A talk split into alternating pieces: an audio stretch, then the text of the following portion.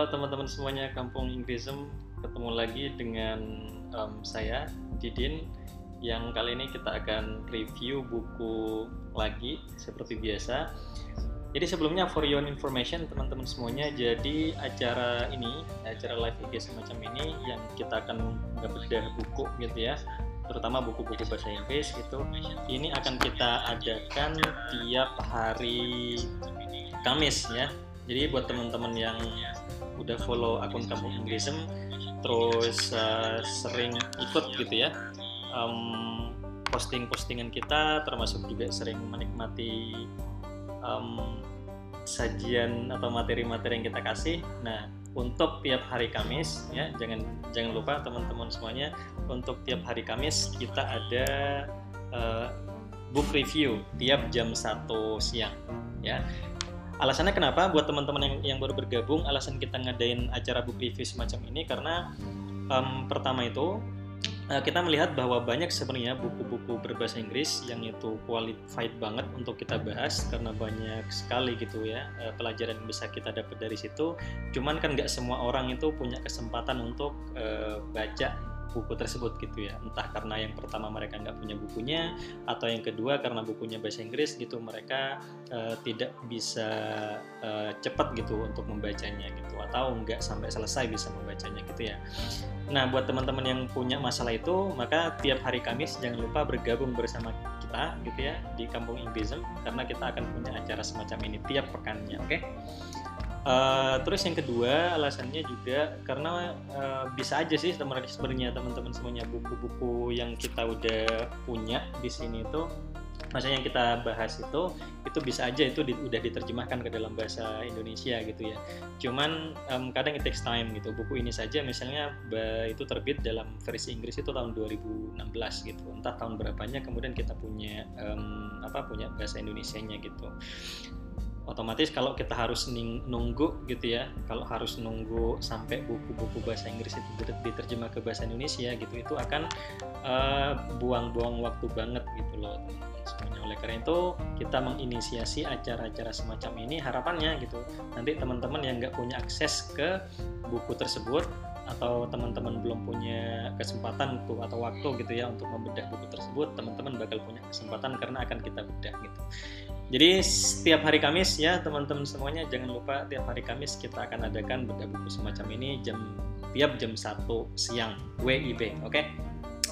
Oke, um, sebelumnya perlu aku kasih disclaimer dulu gitu ya buat teman-teman semuanya. Buku ini rada ini rada apa ya kasar uh, isinya gitu ya. Bukan bukan bukan kon, uh, bukan kontennya sebenarnya tapi kontennya luar biasa banget gitu ya.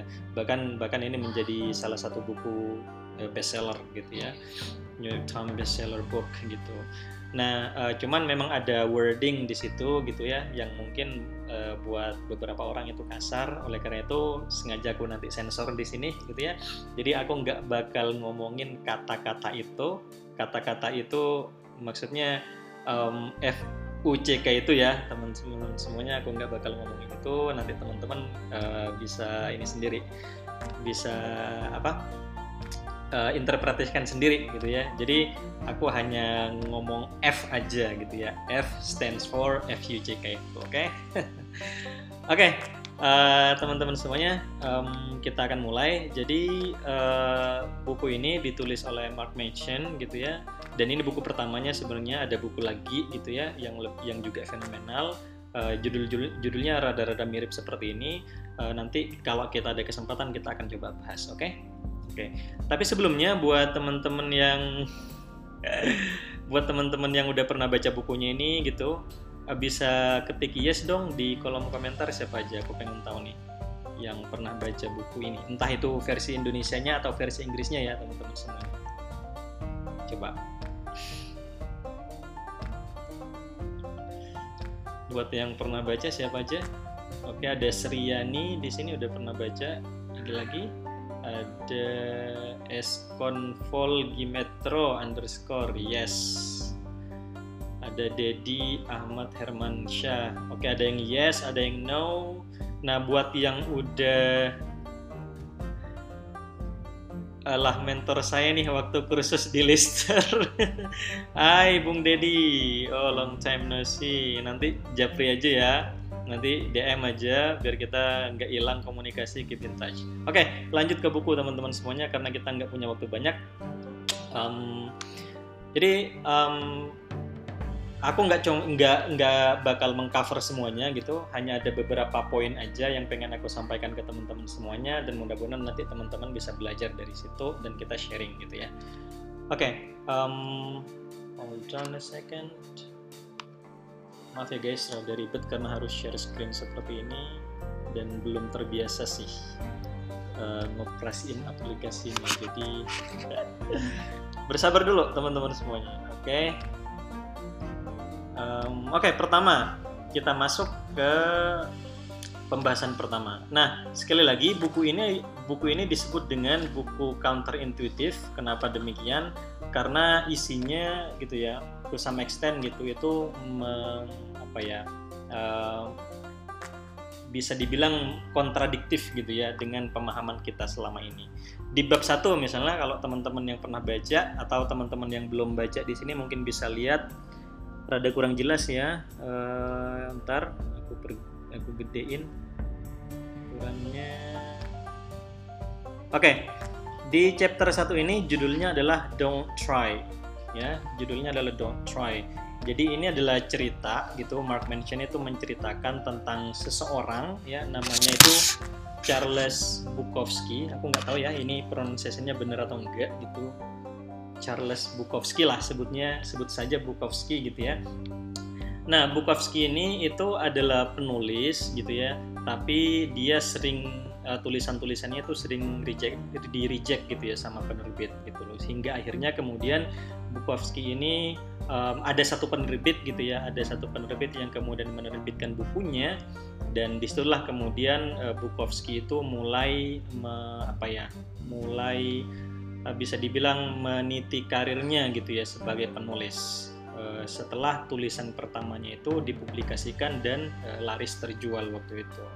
Nah, yang ingin disampaikan sama Mark Manson di sini adalah untuk kemudian menjadi sesosok seperti Bukowski gitu ya, di mana dia penulis dan akhirnya kemudian dia banyak memiliki karya gitu ya dan kemudian famous gitu.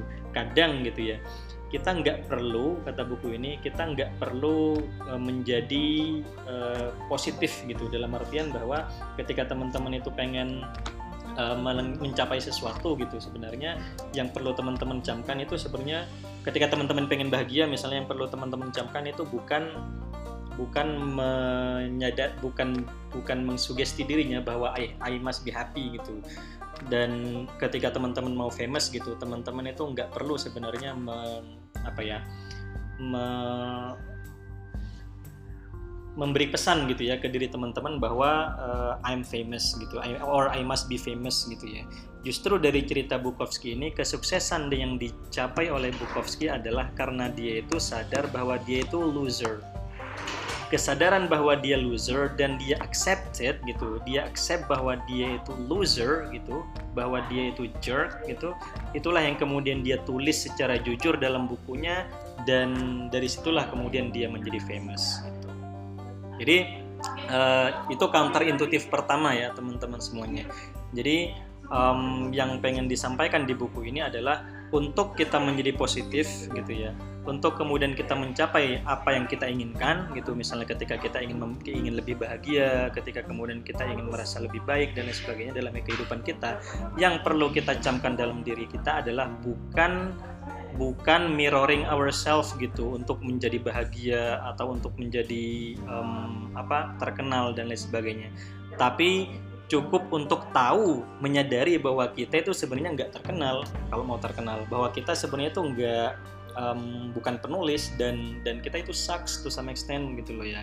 Nah kesadaran itulah yang sebenarnya di sisi lain gitu ya bisa membuat orang-orang itu kemudian uh, sampai kepada tahapan yang yang uh, di sini tuh Bukowski itu sampaikan gitu ya.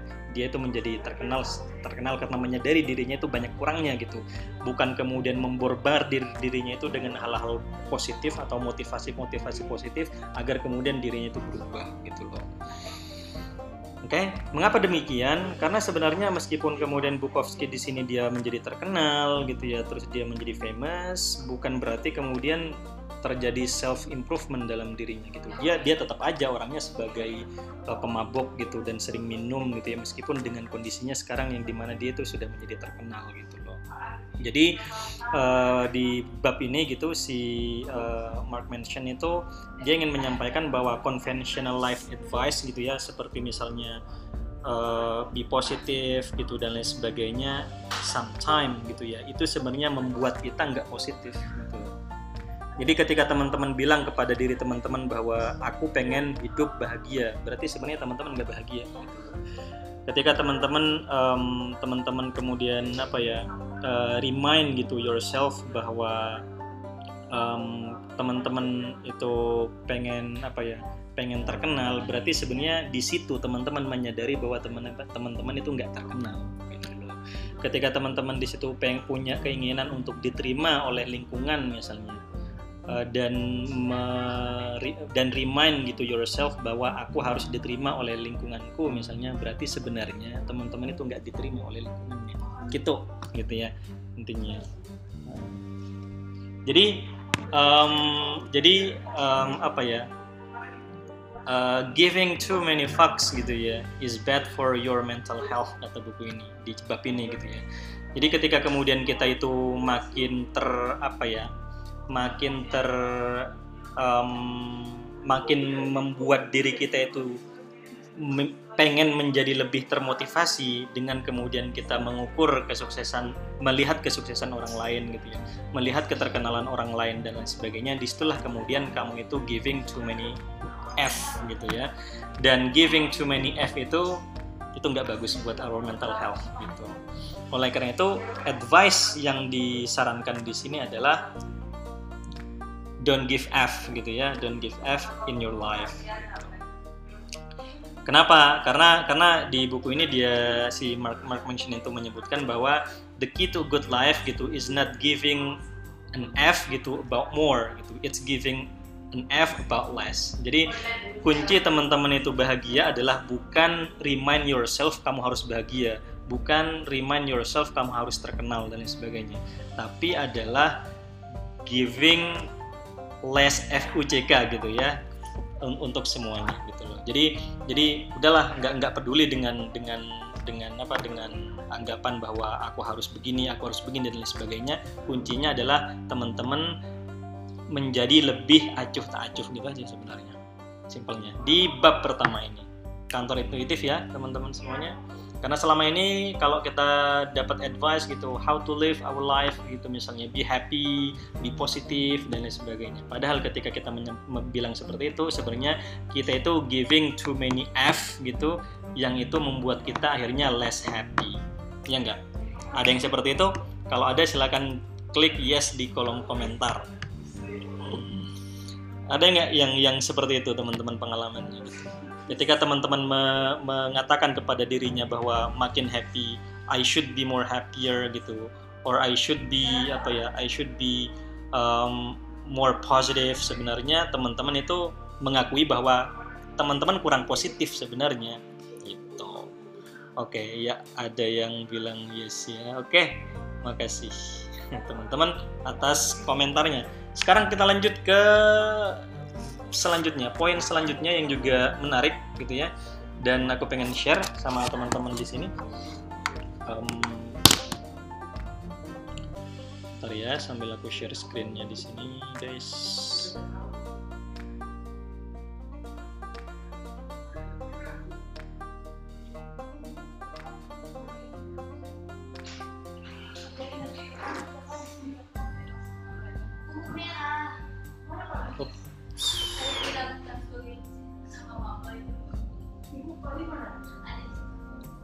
Ya guys ya, sambil aku share screennya.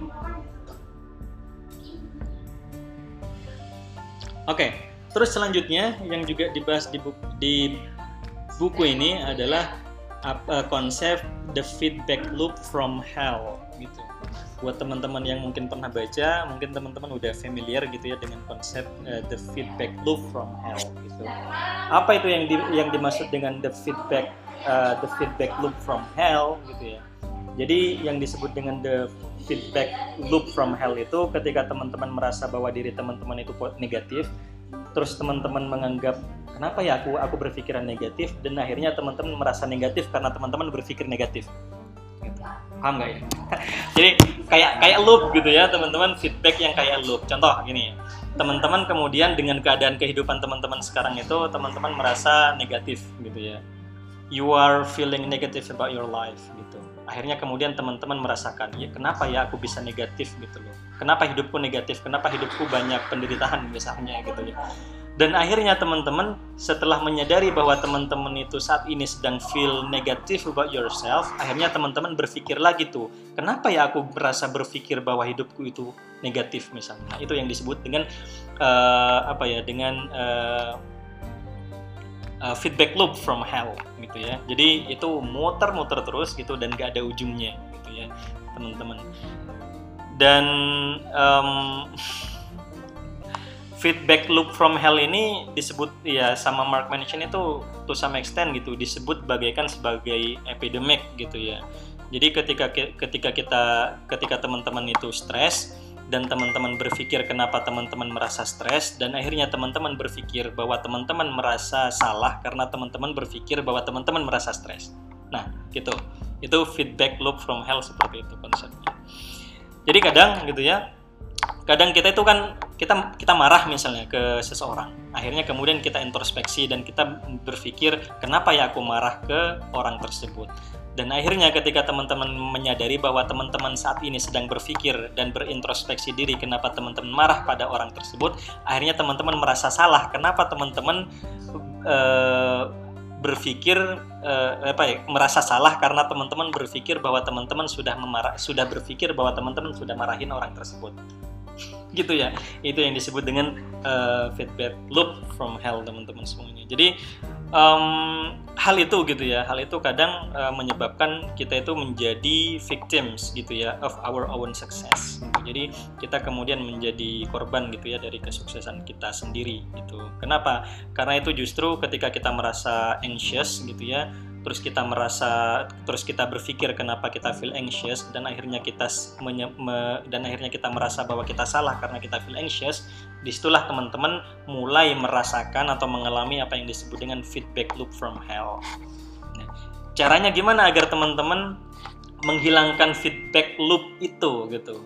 Gimana caranya biar teman-teman eh, stop gitu ya sehingga feedback semacam itu itu feedback loop semacam itu tuh nggak terjadi nggak circle gitu ya ketika teman-teman marah teman-teman nggak merasa kenapa marah itu nggak bagus gitu. Dan seharusnya teman-teman juga nggak seharusnya gitu ya merasa bahwa marah itu nggak bagus dan lain sebagainya gitu loh. jadi caranya gimana? Nah caranya udah dijawab di buku ini gitu ya do not give an F gitu ya jangan peduli gitu masa bodoh aja gitu dengan dengan perasaan teman-teman. Ketika teman-teman merasa marah ya udah it's normal gitu to be angry gitu ya. Dan teman-teman you don't have to feel bad because you were feeling angry gitu loh.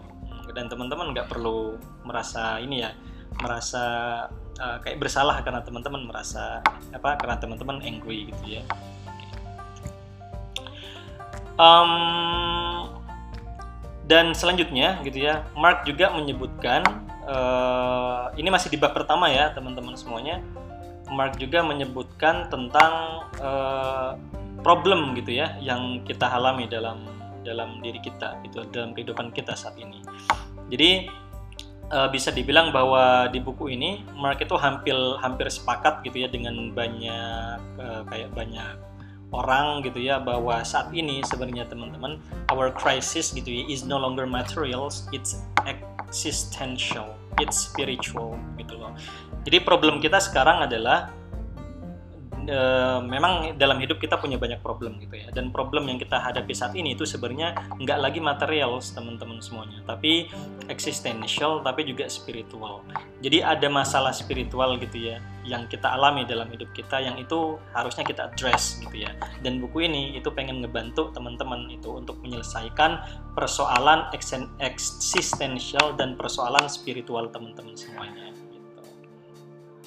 Nah, Terus uh, sebagaimana aku sebut tadi ya teman-teman semuanya buku ini adalah counter intuitif dan teman-teman akan ketemu counter intuitif pertama di sini. Nah, di sini kalau teman-teman lihat ya teman-teman lihat gitu ada uh, tulisan di sini ya tulisan si Mark gitu dia bilang the desire for more positive experience is itself a negative experience gitu ya and Sebaliknya gitu, the acceptance of one's negative experience is itself a positive experience. Ada teman-teman yang bisa bantu kira-kira penjelasannya apa ini? Atau uh, misalnya teman-teman bisa terjemahin, silahkan klik di kolom komentar nanti aku bacain terjemahan teman-teman. Kelihatan ya guys ya, yang ini yang um, bold ya, yang bold, yang tulisnya bold.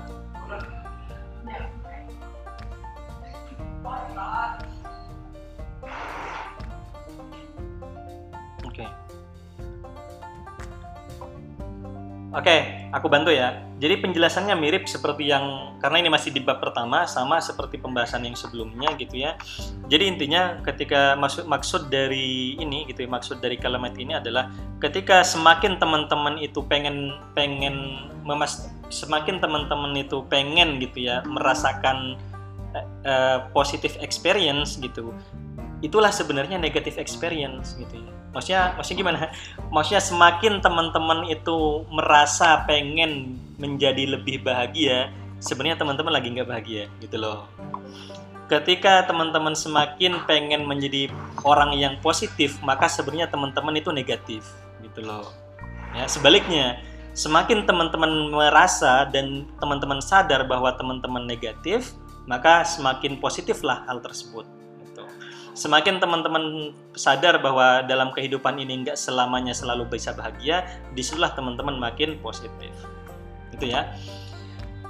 Jadi um, semakin di buku ini disebutkan gitu ya, the more you desperately gitu ya, the more you desperately want to be rich, the more poor and unworthy you feel gitu ya. Semakin kemudian kita merasa pengen kaya gitu, maka semakin kalian menyadari bahwa kalian sebenarnya miskin gitu loh. Semakin kalian menyadari bahwa sebenarnya teman-teman semakin nggak bernilai gitu ya nggak? Yang setuju silahkan klik yes di kolom komentar. Sama juga ini buat buat para perempuan ya cewek-cewek misalnya. Semakin teman-teman punya dorongan untuk menjadi lebih seksi gitu ya lebih good looking maka sebenarnya semakin teman-teman itu uh, negatif gitu ya merasa feeling negatif about your physical appearance gitu loh. Ya nggak? Nah jadi jadi kebalikannya gitu ya kebalikannya. Sebaliknya semakin teman-teman menyadari bahwa sebenarnya mungkin uh, kita bukan orang yang paling cakep, kita bukan orang yang paling seksi, kita bukan orang yang paling tampan gitu. Semakin positif lah vibe yang muncul dalam uh, diri kita gitu ya. Jadi itu ya keren ya kantor intuitif banget ya. Oke.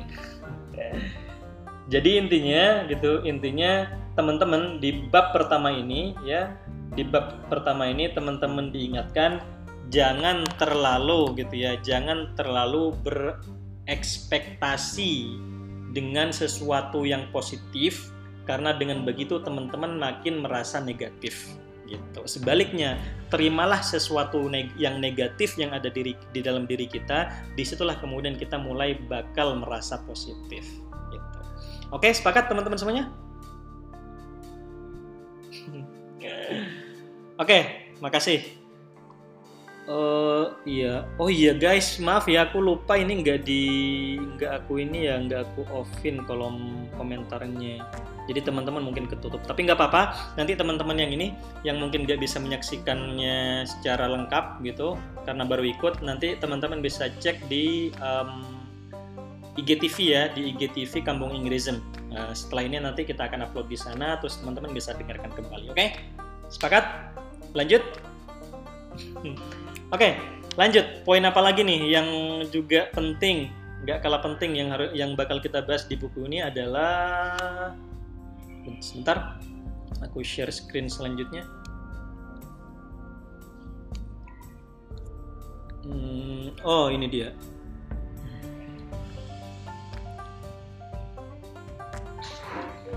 Itu. Jadi selanjutnya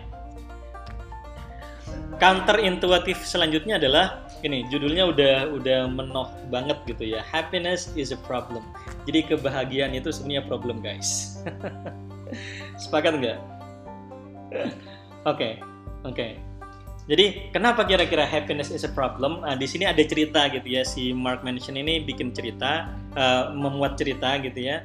Um, dan ceritanya itu menarik gitu ya. Jadi jadi pertama uh, cerita ya cerita ya cerita ini bercerita tentang seseorang gitu yang dia hidup di yang dia punya orang tua dan karena orang tuanya itu protektif banget dan nggak mau gitu anaknya itu merasakan um, penderitaan gitu. Akhirnya semuanya dicukupi dia hidup di dalam kastil gitu ya dalam istana dan istananya itu Uh, dan di, dan selama dia hidup di istana dia nggak dia si anaknya ini si anak raja ini sama sekali nggak diperlihatkan terhadap penderitaan gitu yang ada di luar sana gitu. Kenapa demikian? Karena orang tuanya pengen bahwa dia itu hidupnya bahagia terus gitu. Oleh karena itu penderitaan itu nggak dia tampil, tampilkan di istana. Semuanya dicukupi, serba kecukupan dan nggak pernah sama sekali dia melihat gitu ya bahwa eh, hidup di dunia ini nggak cuman sekedar happy aja, yang dia yang dia lihat gitu yang dia lihat adalah semua kehidup bahwa kehidupan itu adalah apa yang ada di kastil dia. Semuanya itu happy gitu ya dan gak ada penderitaan. Nah padahal gitu uh, setelah kemudian beberapa lama si anaknya ini coba dengan ini ya coba menyelinap gitu menyelinap keluar dari istana si anak ini akhirnya baru menyadari bahwa ternyata itu nggak betul. Kenapa demikian ketika dia keluar dari kastil ya dia menyaksikan berapa betapa menderitanya orang-orang di, di luar sana gitu ya. Betapa menderitanya rakyat di luar sana gitu. Akhirnya apa? Akhirnya kemudian dia pulang kembali ke kastilnya dan kemudian dia berjanji bahwa dia itu akan menyelesaikan uh, bahwa bahwa dan dia berjanji bahwa mereka bahwa dia gitu ya akan juga mengorbankan dirinya dan hidup miskin sebagaimana orang-orang yang hidup miskin di jalanan akhirnya dia meninggalkan segala kekayaannya gitu karena dia pikir bukan seperti itu kebahagiaan gitu. Akhirnya dia menderita hidup menderita di jalanan gitu. Sampai akhirnya suatu saat gitu ya dia keluar dari kastil terus dia selama bertahun-tahun membuat hidupnya menderita gitu ya. Hidup uh, ala kadarnya compang-camping mengemis di jalanan dan lain sebagainya. Tapi saat itu dia kemudian sadar ternyata uh, se uh, semakin dia melakukan itu gitu semakin kemudian dia merasakan mencoba merasakan untuk hidup miskin semakin dia merasa nggak bahagia gitu guys. Gitu. Itu yang terjadi sama dia gitu loh. Akhirnya apa? Akhirnya kemudian orang ini orang ini kemudian membuat sebuah filosofi dalam hidup bahwa life is a series of a problem gitu ya teman-teman bahwa kehidupan itu adalah apa ya? adalah kumpulan atau episode ya dari problem gitu. Ketika problem satu solve, maka muncullah problem selanjutnya. Ketika problem selanjutnya solve, muncullah problem lain selanjutnya, ya semacam itu. Dan tahu nggak siapa orang tersebut yang ada di cerita ini? Orang tersebut adalah Buddha, gitu loh, semuanya. Ya, orang tersebut adalah Buddha. Jadi um, ini cerita tentang dia dan filosofi dari uh, Buddha gitu ya, di mana uh, mereka meyakini bahwa hidup itu adalah uh, a series as a problem. Nah, kalau kemudian hidup itu adalah a series of a problem gitu, gimana caranya kita menjadi happy dalam hidup gitu loh? Itu kan pertanyaannya. Gimana caranya kita menjadi bahagia atau hidup menjadi lebih bahagia dalam hidup gitu ketika kita sadar bahwa hidup itu adalah series as a problem Nah, di sinilah ada, di sinilah konsep keren gitu yang diajukan oleh buku ini bahwa untuk kita memba untuk kita menjadi bahagia gitu, maka kita itu uh, kuncinya adalah we solve our problem, gitu ya. We solve our problem, bukan avoid our problem. Gimana caranya we solve our problem? Oke, okay, sebelum ke sana misalnya. Jadi uh, aku aku pengen tekankan ke teman-teman gimana uh, gimana apa ya gimana sulitnya kita itu menghindari dari problem. Contoh, ketika teman-teman nggak punya duit, maka teman-teman punya problem kan? Problemnya adalah teman-teman nggak punya duit. Ketika teman-teman punya duit, teman-teman juga problem, punya problem. Problemnya adalah dengan duit yang teman-teman saat ini punya. Artinya mau punya duit atau nggak punya duit, semuanya punya problem. Mau hidup miskin punya problem karena dia nggak bisa memenuhi kebutuhan hidupnya. Mau hidup kaya dia juga punya problem. Kenapa? Dia harus mengamankan aset-asetnya, harus mengamankan uangnya. Jadi baik orang kaya, orang miskin semuanya punya problem, gitu ya. Oleh karena itu kuncinya jangan pernah avoid the problem, tapi gimana caranya kita mengharapkan a good problem dalam hidup kita. Nah, happiness, kebahagiaan itu diperoleh dengan cara kita solve our problem gitu. Dan loh, pertanyaannya sekarang ada nggak konstan happiness dalam hidup kita? Ada nggak bisa nggak kemudian kita itu merasa senang aja bahagia aja dalam hidup kita? Nggak bakal pernah. Jadi justru itu, justru karena ke, karena happiness itu nggak abadi, ya. Ketika ketika kita ada problem kita berhasil solve terus kita merasa happy setelah itu ada problem lagi kita solve kita happy lagi di situlah kemudian kebahagiaan itu guys. Jadi menurut bab ini ya bab kedua ini nggak ada ceritanya gitu ya nggak ada ceritanya constant happiness itu justru rasa bahagia itu muncul ketika kita solve our problem. Loh setelah itu kan muncul masalah lagi. Ya memang begitu setelah itu muncul masalah lagi gitu ya. Terus kita solve lagi bahagialah kemudian kita lagi. Terus menderita lagi bahagia lagi. Ya seperti itu. That's life gitu ya. Seperti itulah hidup ya itu yang disebut uh, yang ditulis oleh Mark Manson di sini. Teman-teman setuju nggak? Kalau misalnya disebut bahwa happiness itu bisa diperoleh atau happiness comes from solving the problem. Kalau yes kalau iya, teman-teman sepakat, silakan teman-teman tulis di kolom komentar. Kalau no, silakan teman-teman kasih alasannya kira-kira kenapa.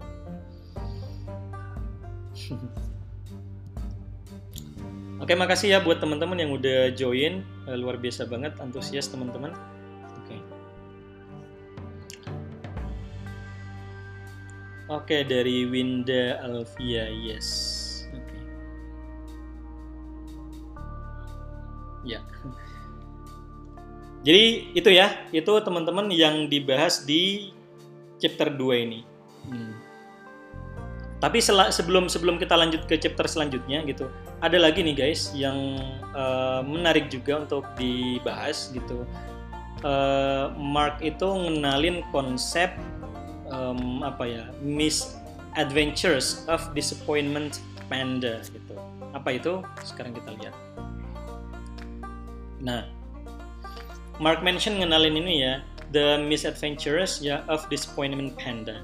Jadi uh, di buku ini gitu Mark mention itu mengcreate gitu ya, menciptakan sebuah seorang superhero gitu. Nah, superhero ini namanya Panda. Nah, digambarkan di situ Panda itu tugasnya Panda itu meskipun dia superhero gitu di buku ini dia nggak punya kekuatan apa-apa gitu ya. Dia nggak punya kekuatan apa-apa, kekuatan dia adalah telling the truth about people's life gitu. Jadi uh, tugas atau uh, kekuatan supernya si panda ini dia itu ngomong apa adanya ke orang-orang yang dia temui. Gitu. Ya, jadi tugasnya sebagai superhero dia tiap pagi datang ke rumah-rumah orang gitu ketok pintunya kayak sales person gitu ya ketok pintunya dan kemudian uh, si panda ini bilang gitu sama orang yang ada di dalam uh, di dalam rumah itu bahwa uh, Pak misalnya ya Pak kamu harus tahu gitu bahwa meskipun kamu itu kerja siang malam gitu itu nggak bakal membuat anakmu itu lebih mencintaimu gitu misalnya atau Pak misalnya meskipun atau ya Pak gitu meskipun kamu itu um, sudah kuliah tinggi tinggi gitu ya punya ijazah itu bukan menunjukkan bahwa kamu itu berpikir gitu loh. Misalnya buktinya kamu masih melakukan banyak kejahatan misalnya ya. nah seperti itu. Dia telling the truth. Karena dia telling the truth dan yang namanya kebenaran kadang itu painful ya enggak teman-teman? Setuju enggak? Kadang uh, apa dia itu membuat membuat uh, kita merasa nggak nyaman ketika kita telling the truth gitu ya. Akhirnya uh, si panda ini itu bukan superhero yang banyak dilulukan seperti superhero di Marvel misalnya teman-teman. Cuman meskipun keberadaan panda ini bukanlah yang orang-orang inginkan tapi itulah yang sebenarnya orang-orang butuhkan ya meskipun kebenaran itu yang disampaikan ya kebenaran tentang diri kita gitu itu enggak kita inginkan untuk orang-orang itu sampaikan ke kita tapi itu kita butuhkan Kenapa kira-kira kita butuhkan? Karena ketika teman-teman merasa sakit, gitu ya, di situlah teman-teman merasakan bahwa ada sesuatu yang teman-teman nggak boleh lewatin. Contoh, ya, ketika teman-teman itu uh, sakit itu kan ada dua ya di buku ini dibahas ada sakit fisik, ada sakit mental, gitu. Contoh sakit fisik adalah ketika teman-teman pegang apa ya pegang uh, setrika gitu ya. Sorry contohnya setrika. Setrika itu kan kalau dipegang panas gitu ya. Ketika teman-teman pegang setrika terus uh, teman-teman merasa panas dan panas itu kan sakit gitu ya uh, ketika teman-teman nyentuh setrika terus teman-teman sakit karena kepanasan gitu di situlah teman-teman akhirnya belajar bahwa lain kali jangan pernah pegang setrika lagi gitu ya atau di situlah teman-teman tahu batasan fisik teman-teman bahwa panas sedemikian rupa gitu itu membuat tubuh saya sakit dan saya nggak boleh menyentuh itu lagi gitu. nah gitu juga. Itu yang ter terjadi dengan e, rasa sakit gitu. Yang itu sifatnya mental gitu. Ketika teman-teman ketika ada ada eh, teman-teman gitu ada panda misalnya e, yang kemudian datang ke teman-teman dan ngomongin tentang diri teman-teman mungkin itu bakal teman-teman merasa sakit ya. Karena dibilangin uh, kebenaran dari sosok teman-teman semuanya gitu itu merasa teman-teman merasa sakit. Nah, ketika teman-teman merasa sakit itulah teman-teman harusnya mengkonotasikannya atau menyamakannya yaitu dengan rasa sakit fisik gitu. Artinya apa? Artinya ada sesuatu yang nggak boleh teman-teman lakukan, ada sesuatu yang nggak boleh teman-teman itu um, lewati gitu loh ya. Gitu. Itu yang um, apa? Uh, uh, konsep gitu konsep misadventures of disappointment panda di dalam buku ini.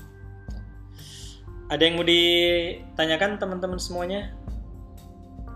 Sebelum kita lanjutkan kita tinggal 10 menit lagi ya sebelum kita tutup acaranya nih. Jadi kalau ada teman-teman yang mau nanya terus atau ada teman-teman yang mau mungkin sharing-sharing bisa live bareng gitu ya silakan uh, request gitu ya nanti aku invite teman-teman aku accept invitationnya atau request oke okay?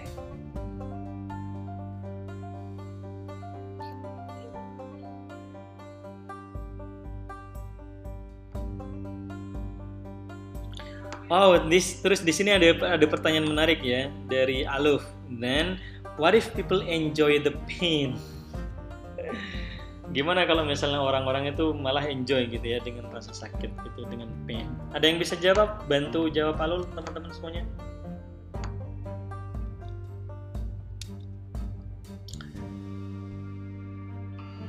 Oke. Okay. jadi di sini teman-teman semuanya uh, pain yang dimaksud di sini adalah adalah batasan gitu ya, e, batasan di mana kita menyadari bahwa ada sesuatu yang salah, ada sesuatu yang nggak harusnya kita lakukan. Jadi ibarat itu kalau dalam apa ya, kalau dalam kendaraan di kendaraan mobil itu itu ibarat kayak rem gitu.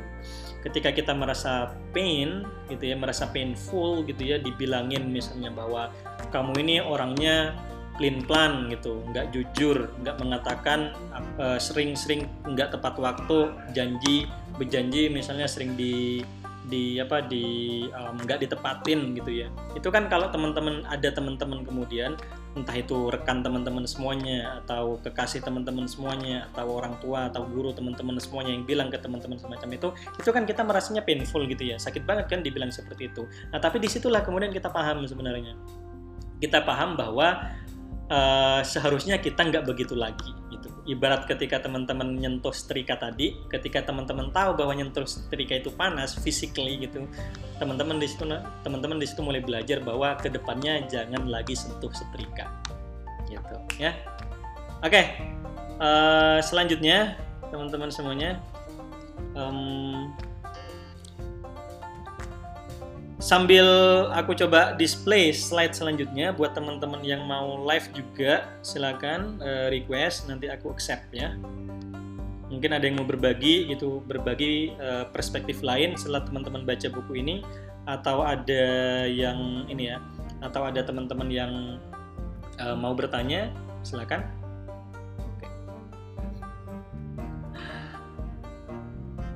Um, chapter terakhir ya chapter terakhir guys yang akan kita bahas adalah kita lompat dari chapter 2 ke chapter 4 gitu. Nah, chapter 4 ini ini juga menarik karena um, ini relate banget gitu ya sama kehidupan kita teman-teman semuanya dan kayaknya banyak deh yang merasakan ini gitu loh ya. Jadi di bab keempat itu eh, si Mark itu bahas tentang the value of suffering gitu ya sebuah nilai gitu ya atau pelajaran berharga yang bisa kita dapat ketika kita itu suffering menderita gitu. Nah di sini dia bercerita gitu ya bercerita tentang ada seorang prajurit gitu ya di prajurit di prajurit di Jepang gitu selama perang dengan Amerika gitu dia itu melarikan di apa dia itu uh, menjadi buronan gitu dan nggak ketemu nggak pernah ketemu gitu sampai sekitar bertahun-tahun ya puluhan tahun dia hidup di hutan gitu ya. Dan selama dia eh, puluhan tahun dia hidup di hutan dia nggak menerima informasi apa pun tentang uh, Jepang gitu ya. Apakah Amerika kalah apakah Jepang menang dan lain sebagainya dia lost contact dengan dunia luar. Dia hidup di hutan gitu ya. Nah uh, akhirnya kemudian ada tim yang mencari si pahlawan ini atau si prajurit ini gitu ya dicari untuk kemudian dibawa pulang ke Jepang akhirnya kemudian singkat cerita dia ketemu gitu ya dan dibawa ke Jepang ke negaranya. Nah ketika dia dibawa ke negaranya dia kaget gitu ya. Kaget kenapa? Kaget loh kok Jepang udah begini? gitu. Bukannya dulu itu kita penuh dengan uh, peperangan gitu. Semua orang itu uh, saling tolong menolong mengorbankan dirinya. Kok sekarang orang-orang Jepang itu malah konsumerism gitu.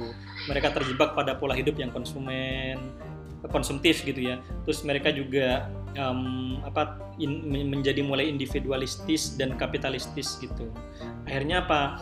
Akhirnya bukannya seneng ya si kap siapa namanya namanya si uh, Hiro Onoda di sini nggak tahu ya uh, pronunciation betul apa enggak tapi itu yang tertulis gitu ya. Hiro Onoda di sini. Akhirnya kemudian dia e, merasa bahwa kalau hidupku kalau ternyata Jepang begini nih padahal dulu itu aku memperjuangkan Jepang yang nggak seperti ini tapi kok keadaannya Jepang seperti ini setelah aku pulang gitu selama bertahun-tahun gitu berpuluhan tahun puluhan tahun gitu ya hidup di hutan. Kalau begitu aku mending e, balik lagi ke hutan daripada hidup dengan keadaan yang mewah seperti ini tapi nggak sesuai dengan value atau nilaiku gitu loh yang aku usung itu yang kemudian dirasakan gitu ya oleh si um, si uh, Onoda gitu ya ini. Nah di situlah kemudian dari cerita ini ya si Mark Manson itu ngomongin tentang matrix dalam hidup gitu ya. Matrix itu artinya alat ukur ya dalam hidup kita yang yang itu penting sebenarnya untuk kita sadari. Kenapa demikian? Karena kadang ya problem kita kita menjadi menjadi less happy gitu, kita nggak nggak apa menjadi kurang bahagia gitu dalam hidup kita itu karena kita salah gitu dalam menempatkan matrix gitu uh, uh, contohnya begini ya ini aku coba aku share. Uh, maaf ketutup dulu ya. Uh, mukaku teman-teman semuanya silakan teman-teman bisa cek di sini tulisannya langsung. Nah Uh, kebanyakan dari kita seperti ini gitu ya yang terjadi. Misalnya kita in a relationship gitu ya. Teman-teman sedang berada dalam uh, hubungan asmara misalnya sama orang lain gitu ya. Sedang punya hubungan gitu ya. Terus uh, si ceweknya bilang gitu uh, what's wrong? gitu ya terus kita akhirnya bilang no nothing wrong. Nggak ada kok nggak ada masalah gitu. Terus si ceweknya bilang no there is something wrong tell me. Kayaknya ada yang salah deh cerita dong gitu. Ternyata si cowoknya itu enggak, tetap nggak mau cerita gitu ya. Akhirnya si cowoknya bilang no I'm okay gitu. Seriously I'm okay gitu loh. And um, akhirnya gitu uh, setelah dari kan dari omongan semacam itu kadang kan muncul tuh muncul akhirnya ketika ada ada salah satu misalnya kita in relationship gitu ya terus pasangan kita misalnya nggak peka dengan apa yang kita rasakan akhirnya apa? Akhirnya kemudian kita marah-marah nggak jelas gitu ya. Kita akhirnya uh, cenderung untuk blame atau menyalahkan gitu ya pasangan kita gitu loh di situ. Nah di situlah kemudian pentingnya kita itu harusnya punya matriks gitu. Matriks atau alat ukur apakah iya gitu apakah iya gitu? Um, seberapa kali kita texting pasangan kita itu menunjukkan gitu. Itu yang bisa menjadi alat ukur seberapa perhatian dia sama kita seberapa dia uh, cinta misalnya sama kita. Atau uh, seberapa banyak kita ngomongin selamat pagi misalnya atau say something gitu ya ke dia gitu. Itu menunjukkan bahwa um, kita bahwa apa uh, itulah menjadi ukuran gitu ya. Hal itu yang menjadi ukuran frekuensi seberapa banyak misalnya kita menyampaikan hal-hal semacam itu gitu menjadi ukuran uh, apakah kita itu benar-benar love atau enggak sama orang tersebut gitu loh. Nah itu yang yang sering uh, yang sering menjadi uh, masalah gitu. Masalahnya adalah bukan karena uh, frekuensi kita ngirim SMS itu rendah misalnya. Frekuensi kita say hello itu rendah tapi masalahnya adalah ada di matrix. Kita salah menempatkan alat ukur gitu sehingga kemudian kita hasil dari judgement kita itu keliru. Gitu.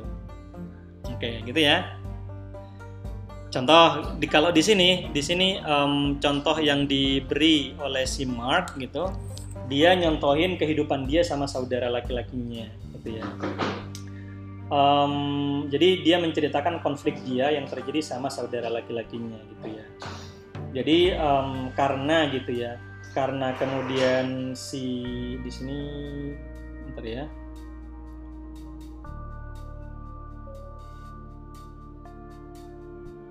Hmm, bentar teman-teman semuanya.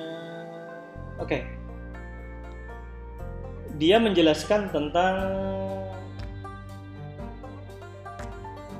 ini ya tentang kehidupan dia sama saudaranya di mana dia awalnya gitu mengukur gitu mengukur perasaan brothers brother apa ya brother relationship gitu ya of the brotherhood gitu ya uh, perasaan uh, apa ya um, value gitu kan brotherhood misalnya atau ketika kita in a relationship gitu kita itu itu kan adalah value gitu yang kita pegang gitu terus apakah kemudian seberapa banyak dia mengirim SMS ke kita, seberapa banyak misalnya saudara kita itu ngirim email ke kita, itu adalah adalah matrix gitu loh. Jadi kadang gitu kesalahan yang kita bikin itu kita punya value gitu ya, tapi matrixnya itu nggak match gitu sama value-nya. Kalau di kasusnya si Mark ini dia itu punya saudara gitu ya.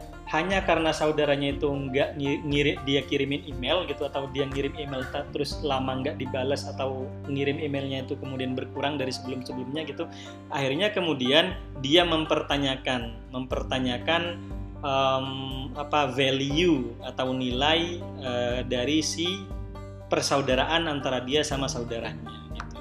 Dan itu sebenarnya juga yang sering terjadi ke kita gitu ya um, mungkin buat teman-teman yang in a relationship gitu ya. Um, ketika misalnya si si ceweknya gitu ya eh si cowoknya misalnya itu uh, tiba-tiba uh, ditelepon oleh cewek cowoknya ditelepon oleh ceweknya terus nggak diangkat gitu ya. Akhirnya kemudian si ceweknya punya kesimpulan bahwa wah dia nggak sayang lagi tuh sama gue misalnya gitu ya. Nah itu ada ada ada value, ada relationship itu adalah value, terus uh, nggak ngangkat telepon gitu ya, itu adalah matrix gitu loh. Kadang antara value sama matrix itu ketukar-tukar gitu ya. Makanya kadang cowok itu bingung loh, kan nggak gitu gitu ya. Bukan hanya karena nggak nerima telepon bukan berarti aku nggak sayang misalnya begitu gitu. Nah itu yang terjadi dalam kehidupan kita gitu loh. Itu yang di yang menurutku gitu ya itu uh, pas banget gitu untuk kemudian uh, di sharing di sini gitu guys. Itu yang ada di buk, di bab 4 ini gitu loh. Terus pertanyaan sekarang gitu matrix yang seperti apa yang harusnya kita jadikan ukuran gitu loh.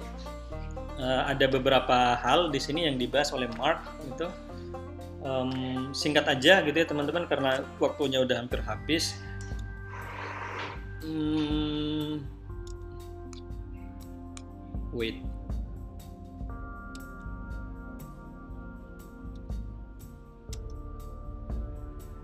Hmm, Oke, ini dia.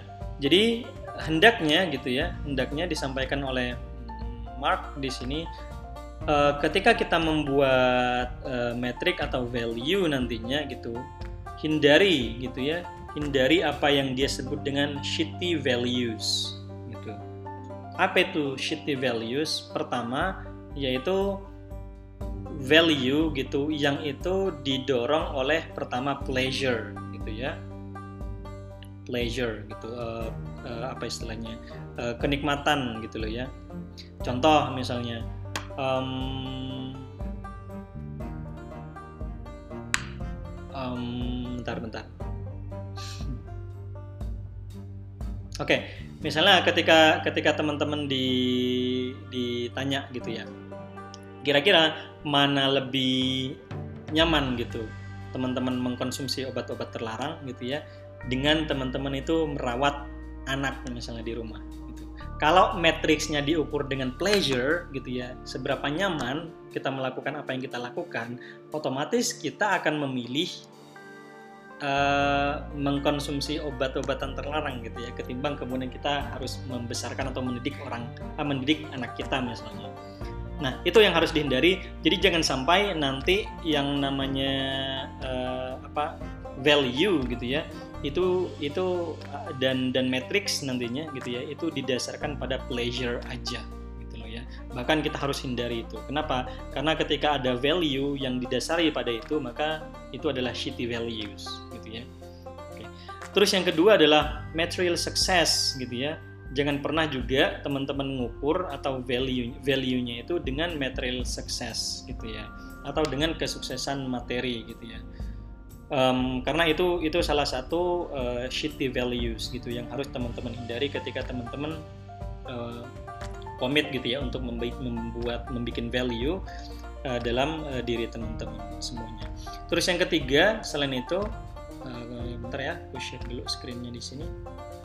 Yang ketiga adalah uh, always being right gitu ya, always being right, selalu merasa benar dan selalu menjadi ya selalu menjadi uh, benar gitu ya. Selalu benar gitu. Itu juga salah satu shitty values gitu ya.